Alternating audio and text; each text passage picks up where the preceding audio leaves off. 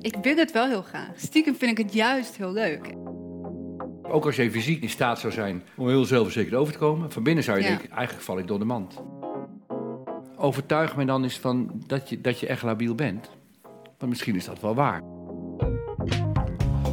Je luistert naar de Omdenken podcast. Mijn naam is Bertolt Gunster en in deze podcast ga ik in gesprek met mensen over hun problemen. Samen met hen onderzoek ik of we het probleem kunnen laten verdwijnen. Soms kun je een probleem oplossen en soms kun je een verwachting loslaten. Af en toe zul je moeten waarnemen dat je nou eenmaal een probleem hebt waar je niets aan kunt doen. En in sommige gevallen, in sommige gevallen lukt het om je probleem daadwerkelijk om te denken. Vandaag ga ik in gesprek met Iris. Ze heeft al vanaf de middelbare school last van spreekangst. Spreken in het openbaar is voor haar echt een hel. En daar zou ze dus wel vanaf willen. Nou, dit gesprek eh, begint zoals elk gesprek met een hele eenvoudige vraag. Namelijk, vertel je probleem. Ja. Ehm, ik heb last van eh, spreekangst voor grote groepen eigenlijk. Ik vind het heel eng om voor een grote groep bijvoorbeeld een presentatie te houden of mezelf al voor te stellen. Mhm. En lichamelijk voel ik dat er van alles gebeurt. Mijn ademhaling Ja. begint Hoog. ja, heel Ja. hoog. Ik heb wel eens gehad dat ik heb gezegd, eh, ik wil even stoppen, want dan werd het bijna hyperventileren. Dat kon je nog net zeggen. Ja, Ja, dat kon ik nog. Ja, zo Ja. erg is het, ja. ja. ja. Ik merk dat ik het of heel warm krijg of heel koud wordt of begint te trillen. ja. En soms ook wel mentaal, dat ik echt blackouts krijg en helemaal Ja. stilval. Wanneer is de groep Ehm, groot? Vanaf waar begint dat? Ja, wel vanaf tien personen, denk ik. Ja. Wat is het verschil tussen 8 en 10, zo denk je? Nou, het is niet per se de groep maar het hangt vooral af van eh, hoe veilig ik me in die groep voel. En of er druk op zit wat ik doe. Daar ben ik heel erg achter gekomen. Eh, dat als ik bijvoorbeeld al die mensen één op één heel goed ken, mijn vrienden, Ja. dan vind ik het eigenlijk geen hand. probleem. Maar de mensen, van die mensen die, waarvan je niet weet hoe heten ze, wie zijn Ja. ze, die zitten naar jou te kijken. dat En ze vind houden ik mond. doodeng. En ja. jij moet dan zo'n klank uit je mond produceren. Dan eh, komt, neemt de stress toe. Nog even voor de algemene beeldvorming. eh, want ik zie jou zitten, mensen in de podcast horen jou natuurlijk alleen maar. Hoe, hoe oud ben je? 23. Eh, 23. En wat, eh, wat, wat doe je op dit moment? Ik studeer nu eh, aan de universiteit. Je- Sociologie. Sociologie, oké. Eh, heb je dit altijd al gehad, dit probleem? Wordt het steeds groter? Wat is de dynamiek van het probleem? Ja, ik heb het al wel sinds de brugklas. Mhm. Ik weet nog heel goed dat ik toen moest ik een presentatie in het Engels houden voor een groep eh brugklassers. Dat is sowieso, vond ik dat al heel eng. Ik begon en de paniek sloeg meteen toe. En ik keek toen ook heel erg in de klas en ik zag mensen lachen en eigenlijk werd het alleen maar erger. En ik focuste Ja. ook heel erg op hoe mensen naar mij keken. En als iemand lachte, dan interpreteerde ik dat meteen als negatief. Eigenlijk allemaal hele slimme strategieën om zo nerveus mogelijk te worden. Ja. Die past je allemaal heel succesvol eh, toe. Zeg maar. Als je als opdracht had, hoe kan ik het leven zenuwachtig worden? Dan heb jij daar een heel goed recept voor. Ja. op dat moment. Ja. Precies. Hey, nou even misschien een hele rare vraag, maar eh, je kan ook zeggen... Nou, sommige mensen hebben vliegangst, die gaan gewoon niet vliegen. En eh, sommige mensen hebben pleinvrees, die lopen dan om pleinen heen. Je hebt spreekangst, nou, dan praat je toch gewoon niet. Ik wil het wel heel graag. Stiekem vind ik het juist heel leuk. En goed. is dit juist wie ik wel zou willen zijn? En vaak moet het ook gewoon. Ja, hey, er zitten al die mensen naar je te kijken. En eh, de, de paniek is dus dat ze iets van je vinden natuurlijk. Ja. Dan gaan we meteen maar naar de kernvraag toe. Wat is dan het ergste wat ze van je zouden kunnen vinden? ja, dat vind ik lastig. Oh, met die PowerPoint de plaatjes, ze praten leuk hoor. Leuk, ik vond het leuk heel verhaal over. Maar eigenlijk, eh, weet je, heel erg... Ik denk dat het dat niet eens is, eigenlijk. Wat is het dan? Ben je wel bang dat ze om je lachen? Nou, dat was toen, maar tegenwoordig... Niet meer. Nee, het is meer dat ik zelf zoveel nadruk leg op die spanning. Wat ze van je vinden, dat is niet zo belangrijk. Ook wel, maar minder. Is, is wel minder geworden. Het is meer die spanning. Wat bedoel je dan Dat ik, ik, ben, die nou, ik ben wel bang. Dat is denk ik mijn angst. Dat ik weer, omdat het al best wel vaak is voorgekomen, dat ik. Mhm. Het Dat is je dichtklapt en niet verder kan. Ja, Snap ik? Wat Ja. is daar dan erg aan? Dat mensen dat zien. Ja, en- precies. En dan voel En wat je is daar dan zwak. Zwak. Is, Ja. dat het erg? Ben je dan, is, dat, eh, is dat het woord wat daarbij past? Dat je niet zwak wil zijn?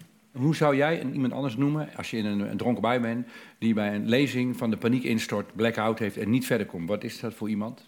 Ja, ik vind dat zelf ook. Ik heb, ik, als ik andere mensen zie die veel spanning hebben, dat ik, dat ik zie dat die persoon zo zenuwachtig is, Mm. dan voel ik ook die plaatsvervangende spanning, zeg maar. Dan, Maar dat is geen antwoord op mijn vraag. Dat is heel lief dat je dat dus zegt. ik weet niet of ik iemand eh, dan direct zwak vind. Maar, als je dan gewoon vrijelijk iemand op een botte manier mag beoordelen... zonder dat je sociaal-menselijke antwoorden ja, geeft voor misschien iemand... wel zwak. Zwak, ja, ik kijk liever naar iemand die heel zelfverzekerd en stabiel overkomt. Dat is een zwak, onzelfverzekerd, niet stabiel, labiel, labiel, labiel, Ja, labiel, Ja. labiel. ja, eigenlijk wel. Wat vind je ergst, waar zit het meeste eh, pijn, zeg maar? Nou, zo wil ik niet... eh, Nou, dat dus inderdaad. Labiel. Dat je toch zwak en labiel. Ja, inderdaad. Dat je wel. Ja, dat is een beetje één, één ding, zwak en een zwak, labiel figuur. ja, Dus eh, stel dat jij eh, een soort testvraag, die doe ik vaak in deze podcast. Stel dat jij zo weg bent en ik praat met Jochem, die de techniek doet. Zeg, nou, leuk meisje, Iris. Ja, die, heeft, ja, die heeft toevallig in Ja. Utrecht gewoond, zoals drie gebeurd. ja, met spreken ook, maar ah, wel zwak, labiel. Labiel figuur, labiel. Ja. Ik zie nou aan je reactie van je gezicht, dat is, dan denk je, oh oh, denk je dan. Oh, dat, zo wil je niet zijn. nee, klopt. Nee. Ja. Ja. Nou, dan is de bron van je probleem helder. Dat jij geen labiel figuur wil zijn.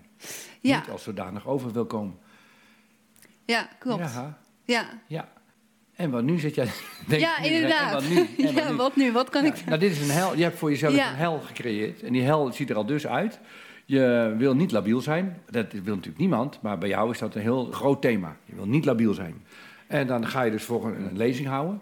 En wat zo'n beetje de meest stressvolle situatie is... waar mensen zich überhaupt niet kunnen bevinden... op de lijst van fobieën... waar mensen bang voor zijn... staat spreken in het openbaar staat superhoog. Eh, ik weet niet of je dat weet. Ja, moet je maar googelen. Ja, Vindt vindt iedereen verschrikkelijk eng... want je wordt bekeken en beoordeeld. ja. Dus dan ga je die situatie uitkiezen, die, die fucking stressvol is, waar 90% van de mensen bijna per definitie onder bezwijkt. En dan ga jij daar voor jezelf willen bewijzen dat jij stabiel en zelfverzekerd bent. Nou, dat gaat natuurlijk niet lukken. ja maar En dus zie je. Nou, het probleem is dat bij mij zie je het. Bij heel veel mensen die kunnen het wel voor mijn gevoel wel controleren.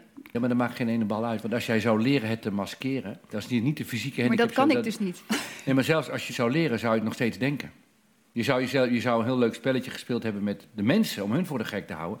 Maar jezelf hou je natuurlijk niet voor de gek. Nee, precies. Van binnen zou je heel goed weten, ik kom zelfverzekerd over, maar ik ben het eigenlijk niet. Ja, Dus daar heb je geen moer aan, die oplossing. Daar zou je geen moer aan hebben. Ook als je fysiek in staat zou zijn om heel zelfverzekerd over te komen. Van binnen zou je Ja. denken, nou, ik, eigenlijk val ik door de mand. ja, Als ze me echt zouden doorhebben, zou ik door de mand. Jij wil gewoon Ja. in de mand, maar als er de mand, dan ben je een labiel iemand. ja. Dus dat is de bron, dat je zo niet wil zijn. En dat begrijp ik, want het is ook heel naar om labiel te zijn. Ja. Maar het probleem is dat je daarvan weg wil. Maar jij, je zegt dat gaat niet. Er zal nooit een dag zijn dat je zegt, nou, ik heb gisteren een presentatie gehouden. Super, nu ben ik een stabiel, Nee, zelfverzekerd iemand. Klaar, Dat over hoop tot het ik. volgende doel. Dat, Dat gaat nooit ik. gebeuren, nooit. Want zelfs Nee. ik, doe, ik doe spreken in het openbaar. Nou, ik, ik heb Ja. echt heel veel ervaring. En ik, vind, ik doe het met groot gemak inmiddels. En ik, kom- ik kom het toneel op en ik doe mijn ding. Ja. En ik weet hoe het werkt, de, techniek en zo. Maar zelfs ik heb bij vlagen dat ik denk, shit, oh god. eh, zeker als het materiaal nieuw is of ik beheers het verhaal niet zo goed. Het is gewoon heel eng. Ja, Dus het is nooit af. Een identiteit, als een zelfverzekerd iemand zijn... Is, er zullen altijd momenten in je leven komen dat je het niet goed weet. ja. En normale mensen, gewoonlijk, Ja. zeg je, nou, ik weet het even niet. Maar wat doe jij op zo'n moment? Ik zie je wel, ik ben ook labiel. ja dus jij maakt ga- van zo'n gedragsvraagstuk maak je een identiteitsprobleem. Precies, Ja. ja. Ja, Je, je gaat je er zelf mee identificeren, met die gedachten. ja.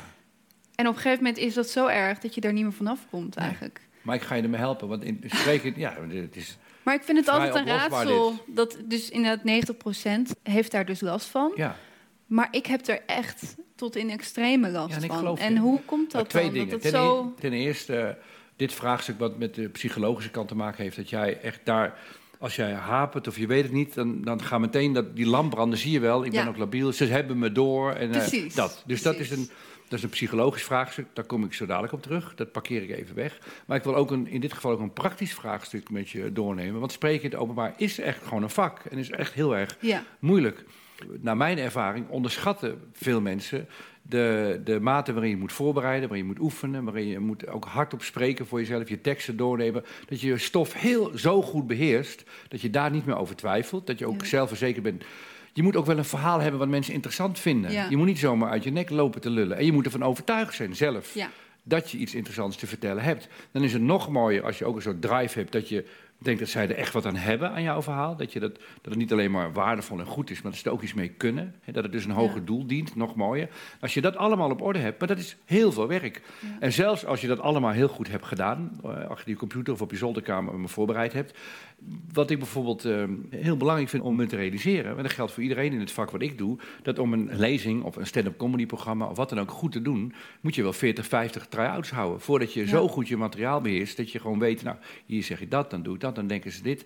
Terwijl jij gaat iets gewoon voor het eerst doen. Ja. En waarschijnlijk ga je het half voorbereiden en je verwacht dat je zelf verzekerd overkomt. Dat kan helemaal niet. Dat kan gewoon niet. Dus het is ook, we gaan het zo weer over die psychologie hebben. Maar ehm, neem ook het vak van een verhaal vertellen heel erg serieus. Ja, Daar zit ook, ontzettend ja. veel winst. Maar er wordt verwacht van je dat je het allemaal kan.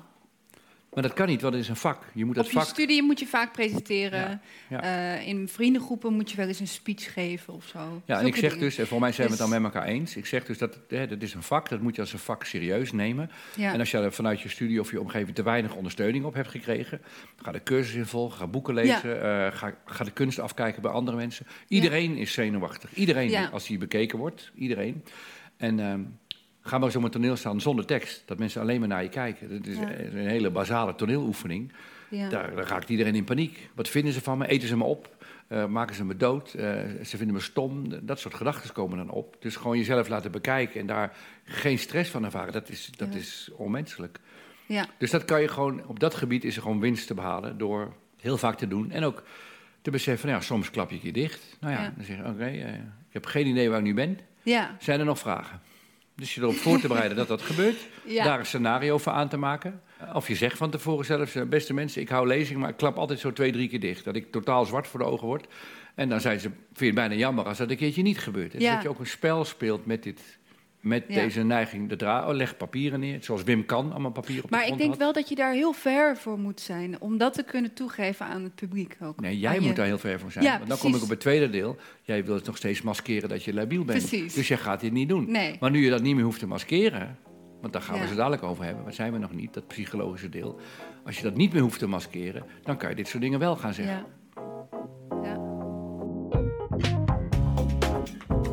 Iris en ik zitten op dit punt in het gesprek in het vakje oplossen en het vakje loslaten tegelijkertijd. Soms kun je iets heel makkelijk oplossen nadat je eerst een verwachting hebt losgelaten. In mijn boek Zoals verwacht loopt alles anders noem je dit een scootmobiel oplossing. Deze manier van een probleem oplossen is een verwijzing naar mijn schoonvader opa Piet. Naarmate hij ouder werd, lukte lopen niet zo goed meer. Hierdoor raakte hij ongelooflijk gefrustreerd, voornamelijk op vakantie. Waarom? Hij had een beeld van zichzelf dat hij nog steeds de wereld al lopend kon bereizen. Het was echter een feit dat dat niet meer kon. En dus voelde hij zich klemzetten tussen feit en verwachting. Een probleem dus. Uiteindelijk kon hij niet anders dan die verwachting loslaten, een besef dat gepaard ging met pijn en verdriet. Weten dat je nooit meer kunt lopen zoals je dat altijd hebt gedaan, is natuurlijk uiterst frustrerend. Wat was echter het ogenblikkelijke gevolg van het loslaten van deze verwachting? Dat hij vrijwel meteen kon besluiten een scootmobiel te kopen. En al snel bleek zijn scootmobiel een prima oplossing voor zijn probleem. Hij en zijn vrouw konden weer samen op pad. Soms kun je een probleem dus vrij gemakkelijk oplossen als je eerst een beperkende verwachting hebt losgelaten. Ik kom dit mechanisme regelmatig tegen en nu dus ook bij Iris. Als ze beter wil worden in het vak spreken in het openbaar, dan kan dat. Ze kan oefenen, trainen, cursussen volgen. Maar die oplossing werkt pas echt als ze eerst de verwachting heeft losgelaten dat het iets is dat ze nou eenmaal zou moeten kunnen. Iets dat succesvolle mensen als vanzelf kunnen en dat anderen dus heel gemakkelijk af zou moeten gaan. Dus dit is, Ja, dit is de technische, de, de vakmatige kant. Er is heel veel winst te behalen. Maar de echte winst zit natuurlijk, daar kom ik nu op, op de hoofdroute van dit gesprek, is dat jij van jezelf vindt dat je een labiel zwak iemand bent. En je doet zoveel mogelijk je best om dat maar niet te zijn. En dat lukt redelijk, maar niet goed genoeg. Dat is een Ja. beetje hoe je leven in elkaar zit. Hè? Ja. Ja. Ja. Nou, nu we dit beschreven hebben, wat is dan, wat is dan de stap? Met, met dat psychologische ding. Wat zou je daarmee kunnen doen of laten? Mm. Ja, ik, ik heb een beetje, omdat ik al die podcast heb geluisterd, dat ik Ja, al dat weet wat je gaat zeggen. Wat zou- dat je wat tegen je- jezelf gaat zeggen, ik ben labiel, of niet? Ja, Ja. tuurlijk. Eh, met andere woorden, Ah, het ik weet niet of niet dat toe. voor mij werkt. Want op zich ben ik wel, ik kan wel zo, dat heb ik al lang voor mezelf. Dat dat hoef ik niet elke ochtend tegen mezelf te zeggen, omdat ik mezelf kan overtuigen dat ik het niet ben. Nou, zeg het dan tegen je publiek als je lezing houdt. Durf je dat ook? Ja, dat zou inderdaad wel werken. Nou, doe ja. dat dan. Ja, Maar dat komt op hetzelfde neer. Beste mensen, ik ga een lezing houden, maar ik ben vrij labiel. Ik stort regelmatig in. Sterkte, veel plezier ermee. Zet de klokken maar gelijk, meestal binnen een minuut of tien. Dit, hier moet je van Ja. lachen, van deze gedachte. Ja, maar je moet dus echt wel... Dan moet je jezelf wel heel erg bloot kunnen zie, stellen. zie je dat jij, ik weet niet of je in de gaten hebt wat er nu gebeurt, dan doe je op dieper niveau, stop je er weer een laag onder. Ja. Ja. dat kan ik wel, dat zou ik wel kunnen zijn. Waarheid niet dat ik labiel ben. Je hoeft daar niet sterk, je moet Ja, gewoon... maar dan moet je dus al eigenlijk al heel veel hebben overwonnen Nee. om dat te kunnen... Jij zou dat kunnen zeggen, denk ik. Nee, ik maar ook ik- niet. ik kan dat- Ik kan het alleen maar zeggen in deze podcast. In echt. De grap is dat je... Want jij hebt je dat jezelf je- al bewezen. Dus dan... Luister, nou, luister nou even, Iris. Zie je dat je de truc herhaalt? Je, zegt, je leest- schuift er gewoon nog een keer hetzelfde onderdoor. Ja, dat zou ik wel kunnen, maar ik ben een labiel iemand. Ja, precies. Ja, maar ik ben zwak, ik kan het niet. Dan zeg ik, doe dan zo. Ja, maar dan Ja, doe je weer. precies. Dus je blijft maar tegen jezelf zeggen dat je labiel bent. Maar je vindt het echt, namelijk. Je denkt dat echt. Ja, Ja. Wat natuurlijk, als je naar kijkt, een absurde gedachte is. Waarom zou dat absurd Omdat je zijn? op de fiets hier naartoe bent gekomen. Je kan dingen onder woorden brengen. Je drinkt eh, je glas met... eh, met eh, je, je laat dingen niet uit je handen vallen. Je kan gesprekken voeren, er één zijn op één met vrienden. hè? gradaties van labiel zijn, toch? Je, je beheerst de, de taal. Je kan Ja. spreken. Je kan denken over... Je doet een universitaire opleiding. Ja. Ehm, dus ik, jij maakt op mij niet, natuurlijk niet de indruk... dat je een labiel iemand bent die elk moment uit elkaar kan vallen. Maar toch denk je dat zelf wel. Ja. Ja, je denkt het echt. Klopt. En daarom werkt die truc niet. Want je denkt, ja, dat zeg ik wel, maar ik vind het echt. Ja. Ja. Nou, dan zit er niks anders op dan maar als een labiel iemand verder door het leven te gaan. Is dit een... Dit is een Eh, provocatieve pro- interventie. Ja. ja. ik zie dat je met me meedenkt, maar ik denk ook weer met jou mee. Hè? Pas op. Ja. hè. Dit, is, dit zit niks anders op. Die gedachte is natuurlijk net zo absurd, toch? Dus je bedoelt dat je het wel enigszins moet accepteren? Dat ik een... Nou ja, ben ik...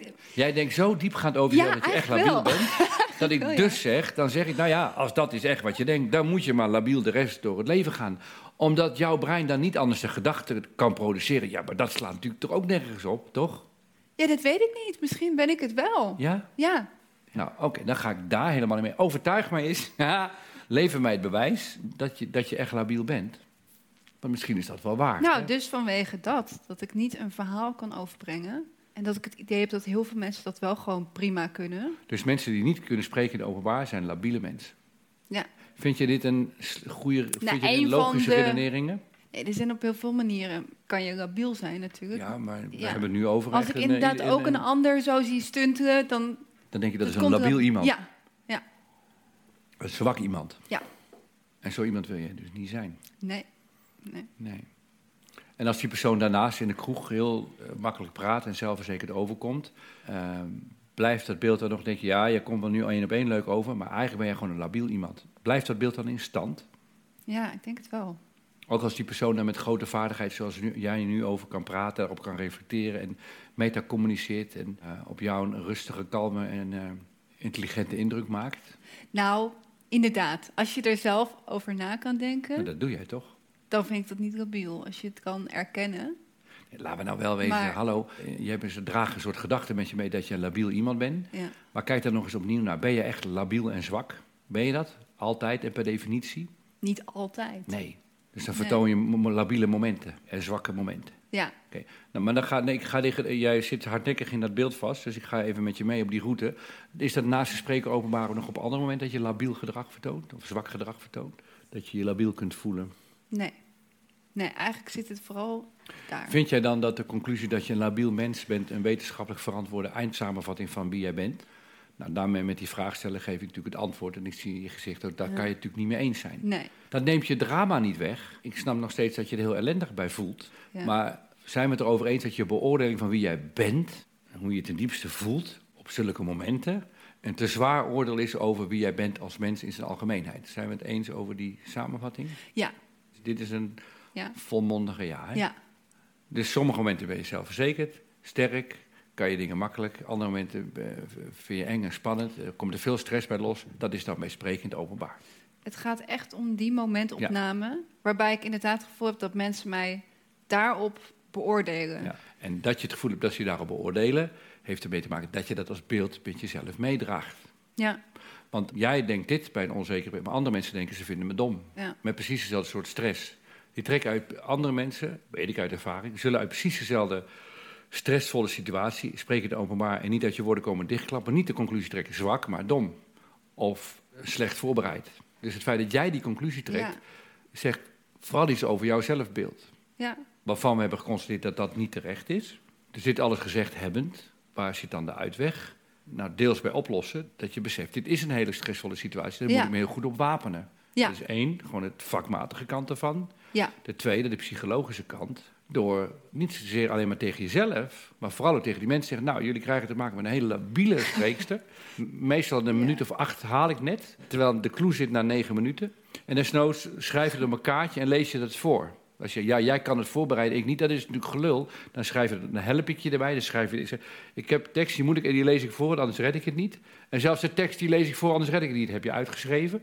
En dan lees je het kaartje voor. Ik wens iedereen sterk zolang je het volhoudt. Nou, dan is er niks meer aan de hand. Dan heb je je probleem geëtaleerd. En als het Ja. geëtaleerd is, kan je niet meer ontmaskerd worden. Want je hebt je al gedemaskeerd, zeg maar. Ja, ik heb wel eens inderdaad gezegd, oh, ik merk dat ik zo zenuwachtig ben. En dan stopte ik ook even met praten en dan ging ik even rustig ademhalen. En dat dacht, ik ook, nou, het maakt me eigenlijk ook nu even helemaal niks uit. Dat al die mensen naar me kijken en heel veel allemaal verwachtingen hebben. Dan puur even probeerde ik mezelf tot rust te krijgen en dan ging ik daarna weer door. En dat lucht inderdaad enorm op. Ja. Dus ik heb het al wel, wel eens gedaan. Ehm, Is geen... maar toch, als je in een nieuwe groep komt, dan wil je dat liever niet. Nee, maar niemand wil dat liever. Dus dat is logisch. Ja. Maar dat is maar niet fijn. Ik, ik, eh, ik werkte een paar jaar voor mijzelf. was een hele grote klus. Moest ik dagvoorzitter zijn bij een, eh, een serie congressen voor MBO-ROC-schoolleiders. En eh, Mhm. allemaal, in mijn beleving allemaal houten methoden. Eh, lang geleden, een jaar of twintig geleden. En ik moest naar elkaar kletsen. En ik had echt wel heel veel spreken. maar Ik vond spreken leuk. Ik, had, ik was nooit bang. En, eh, vond altijd en als ik niet wist, zei ik, nou mensen, geen idee. En dan maakte ik wel een grap en dan lulde ik me wel doorheen. Ja. En eh, ik weet dat ik, eh, ik zat midden in de zin en ik keek naar een man die zat op een rij voor mij. En er was dan zo'n schoolleider. Dat was in mijn beleving waren het een soort goden. Hele, hele belangrijke. Die mensen hadden auto's en eh, ta- tassen, vier achtertassen en eh, heel belangrijke directeuren. En ik, eh, ik was een soort docent drama die eh, ook eh, wat ging doen om het toneel. Dat was een beetje Ja. mijn zelfbeeld. Dus ik zit midden in de zin. Ik zie die man kijken, heel verveeld. En ik denk, die Ja. man die vindt mij dom. Hij denkt, die, die staat uit zijn nek te lullen. Zo'n docent drama die niks snapt. En ik ben een directeur, ik ben veel slimmer dan hij. Bij mij was het niet labiel of zwak. Maar ik, ik blackout, zo zwart. Ik, had, ik dacht, ik, ik zat in die zin en ik wist niet hoe die zin ja. afliep. Gewoon in, midden in die zin. Wat ik, het enige wat ik wel wist, en echt blackout. Dus ik maakte wel eens mee dat ik de inhoud kwijt was of de draad kwijt. Maar dan zei ik dat en ging verder. Daar had ik wel mechanismes voor ontwikkeld. Oh ja. En, eh, dus, maar dit was de eerste keer dat ik gewoon al die mechanismes die werkten niet. Ik was gewoon, Ja. ik was gewoon zwart, zwart. Ik denk, ik heb een blackout. Shit. En het enige wat ik me gelukkig wel realiseerde, als ik klanken blijf maken, gewoon een beetje blijf praten zo, en, ja, zo Ja. dan hebben ze het waarschijnlijk niet eens in de gaten. Dus, Ja. eh, dus ja, en ik maakte een soort, ik heb geen idee wat ik zei van nou, en Ja. ja, daarom hier eh, met ROC, eh, schoolleiders, eh, zijn we, en, toen, en toen wist ik weer waar ik de was. tijd opvullen. Ik zei maar wat, joh. Het sloeg echt nergens op. En toen ging Ja. ik verder en ik dacht, fuck, oh, dacht ik, ik ben door de mand gevallen. Dat hebben ze doorgehad. Maar goed, de sessie ging verder goed. En nou, in het ergste geval hebben ze gezien dat ik een zwak moment had. Daar kon ik ook wel mee leven. Dus ging Maar daar, dat zeg je nu zelf. ja, een zwak moment. Een zwak moment. Maar niet, ik, ik zeg niet dat ik een zwak In het iemand ben. geval. Een zwak moment. Ja. Ja, maar niet dat ze zien dat ik een zwak iemand ben. Ja. Jouw oordeel over precies hetzelfde Over is veel dieper. persoon. Bij jou Ja. gaat hij helemaal naar binnen. Helemaal zo diep, diep in je systeem. Ik maar ben toch een zwak zeg je iemand. zelf ook. Het ergste zou zijn dat ik een zwak moment Ja, heb. nou, daar krijg je toch niet dood Dus- van, een zwak moment. Nee, maar als je dat bijvoorbeeld... Dat ik die Ja. angst heb ik bijvoorbeeld al. Die had ik vanaf dat moment natuurlijk ook. Da- Daarna moest ik even Ja, wennen. Ook dit soort dingen kunnen dus gebeuren. En net zoals mensen die nooit vliegangst hebben, nooit gehad ook, die kunnen een vlucht meemaken die zo eng is dat ze daarna vliegangst Ja, krijgen. ja precies. De grap was toen dit gebeurde, ging naar degene met wie ik het samen deed, die achter in de zaal zat. Heb je het gezien? Die had helemaal niks gezien. Niks, gewoon nul. Nee. Niemand had het gezien. Ja, dus, Dat hoor ik ook wel vaak. Dat mensen zeggen, joh, ik had helemaal niet door dat je zenuwachtig God, was. en dan ben je En- zenuwachtig. Hoe cares, weet je wel? Dan ben je zenuwachtig. Het is toch ook... eh, nou en? Nou en? Ja, jij vindt het eng. Ja, maar Mo- jij vindt het moeilijk. ja, op zich is het niet heel erg om zenuwachtig te zijn, maar wel als het zo erg is dat het je helemaal blokkeert. Ja, alleen het blokkeert jou, omdat jij Ja. niet denkt, ik heb een zwak moment. Maar omdat jij denkt, zie je wel, ze zien dat ik een zwak iemand ben. Ja. En dat laatste is onterecht. Maar wat denk je dat mensen niet dan denken? Wat ze, denk, wat ze Van, oh, denken, ze is nou, niet goed voorbereid. misschien denken ze van, eh, wie ga ik straks bellen? Ik moet nog even iemand appen. misschien denken ze helemaal niet aan jou. ja, mensen zijn veel meer met nou zichzelf bezig. denk je nou echt dat jij zo belangrijk bent voor die mensen? Ja, dat is inderdaad ook zo. En misschien heb je ze heel... Het kan ook, gewoon, het kan ook zijn dat jij een supergoeie presentatie hebt. Dan zeg je, nou, domme doos. Ja, ja Dus stom, je, je hebt, weet je wat het is ook? En misschien is het ook wel een wijze les. Je hebt er gewoon geen controle over dat mensen Nee. over je denken. Gewoon nul. Nee, klopt. Nee, maar dat is ook tragisch, want je raakt Ja. wel iets kwijt. De illusie daar wel controle over hebben is ergens fijn. Dat geeft een soort Ja. gevoel van macht en invloed. Hè? Nou, die heb jij nu niet meer. Die had je sowieso niet. Alleen als je het opgeeft, dan geef je ook de illusie op dat je er wel macht over hebt. Het enige waar je macht over hebt is wat je vertelt, je verhaal. Dus zou je dan ook zeggen, je moet gewoon meer focussen op het verhaal wat je wil absoluut, vertellen? absoluut. En je moet ook, als je gevraagd wordt een presentatie te houden, moet je altijd beginnen met waarom. Wat moet ik dan vertellen en voor wie? Is er een motief waarom je daar moet staan? Als er geen motief is, ga daar gewoon niet staan. Dat ziet er niet uit. Mensen die in het openbaar gaan praten, die eigenlijk geen verhaal hebben, die zijn zo met zichzelf bezig, hoe ze Ja. overkomen, wat ze van zich vinden. Die maken een soort wedstrijd van, kom ik wel leuk over, ben ik intelligent, ben ik grappig genoeg? Ja. Dus je motief moet gewoon deugen. En als jouw motief is, ik wil bewijzen dat ik kan spreken in het openbaar, nou, dan gaat het, dan gaat het niet. Mensen ruiken of jij daar met een helder eh, verhaal staat, met een duidelijk motief of niet. Ja. Oh, oh, die wil leuk doen. En oh, die wil slim over. Je ziet je weet, ik ken het zelf toch, hoe je naar mensen Ja, kijkt. ja. Oh, die wil slim overkomen, die wil ontspannen overkomen. Je doorziet dat. ja. Dus je moet, de focus moet niet liggen op wat vinden ze van mij. Je focus moet liggen op wat vinden wij, ook ikzelf, wat vinden wij van mijn verhaal. Dus je zou zeggen, duik in het verhaal, wat je wil vertellen, Ja, eh, zet dat goed neer. ga het supergoed voorbereiden. Hou een try-out. Ga het oefenen met mensen. Niet omdat jij een labiel of zwak iemand bent, omdat het gewoon een moeilijk vak is. Eh, laat feedback geven, kijk waar sterke punten zitten. Ehm, hou misschien nog een keer een try-out, nog een tweede keer. Wees op het ergste voorbereid. Wat als ik een blackout krijg? Maak daar een noodscenario voor. Oh ja. Wat kan ik dan doen? Je kan bijvoorbeeld een blaadje hebben liggen op een tafeltje met daarop alle punten. Waarom gebruiken ontzettend veel mensen een PowerPoint? Een PowerPoint geeft Ja. natuurlijk structuur. Doe je gewoon het volgende plaatje klikken en dan staat er gewoon in beeld wat je moet zeggen. Nou, lekker makkelijk. Ja, precies. dus eh, geef jezelf ook hulpmiddelen ja. eh, om uit zo'n blackout situatie dan door te kunnen. Ja, en ik, maar ik denk in jouw geval is het allerleukste gewoon zeggen... nou mensen, jullie gaan kijken naar een ongelooflijk labiele spreekster. Ik ben hier niet voor ja, maar geboren. dat raakt dan cabaret of zo. Ja, maar dat, Vind ik. maar- dat, dat is wat wel is daar mis mee? heel... eh dan leg je ook weer zo de nadruk erop. Ja, en tegelijkertijd Dat- niet. dat- ik vind, en, en dan moet je dus... Kijk, Ga als ik over tien serieus, dan ga je jaar... opeens heel serieus lopen Als doen. ik over tien jaar hopelijk deze angst heb overwonnen... en die- met in ieder geval veel minder eh, zenuwen dit doe... dan zou ik dat prima kunnen zeggen. Maar zover ben ik nog niet. maar ik vind het wel een goeie. Dan doe je dit over een eh, paar jaar. ja, ik, ja. Ehm, ik wil iets heel intelligents eh, vragen of zeggen. En dat is heel. Kijk, nou heb ik een blackout. ja, hè? precies.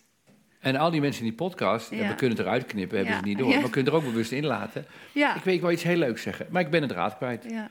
Ja, in ieder geval wat ik wel eh, ook bedacht net, is eh, gewoon oefening baart kunst. De kans op een blackout zal gewoon afgaan nemen. Maar hij blijft, oh Ja. dit wou ik zeggen. Ja, dit was, hè, ik ben er Aha. weer.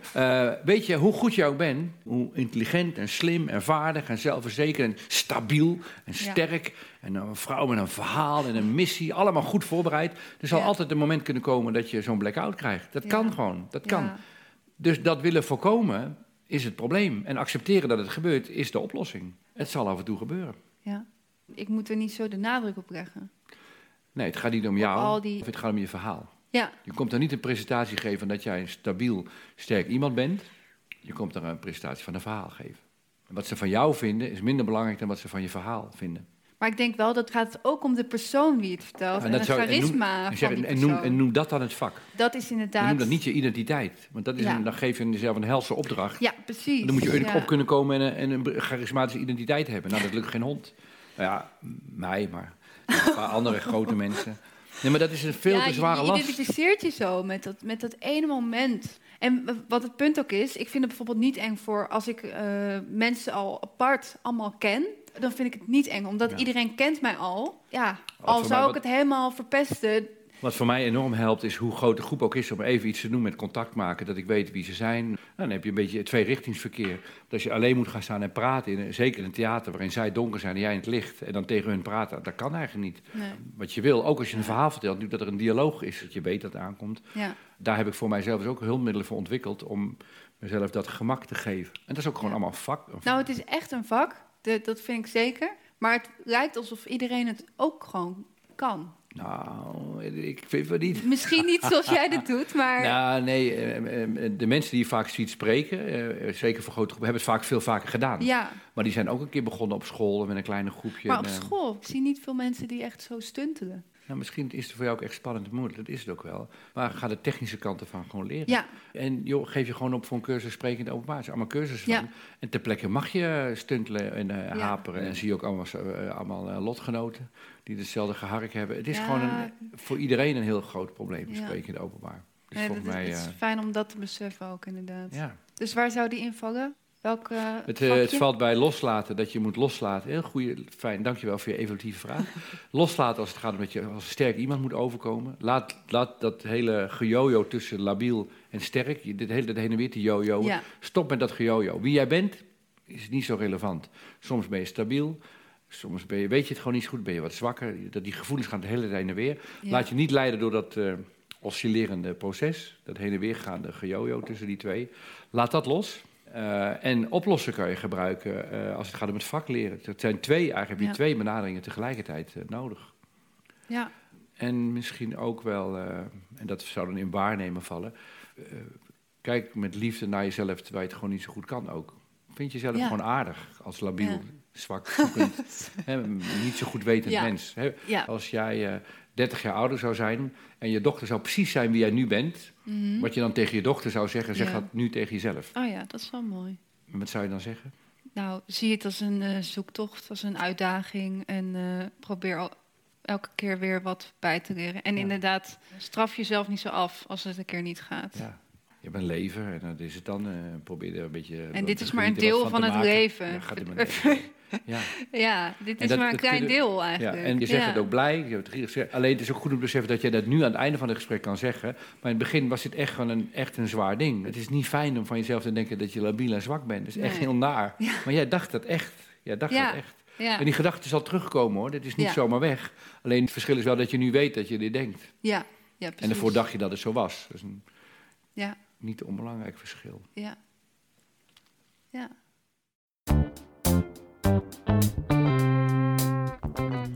Hallo luisteraars, dit is een oproep. We willen deze podcast ook in het Engels gaan maken, zodat er nog veel meer mensen kunnen gaan omdenken. Ben jij of ken jij iemand die een probleem heeft en het leuk vindt om in het Engels met Bertolt in gesprek te gaan? Meld je dan aan voor de podcast via omdenken.nl/slash podcast.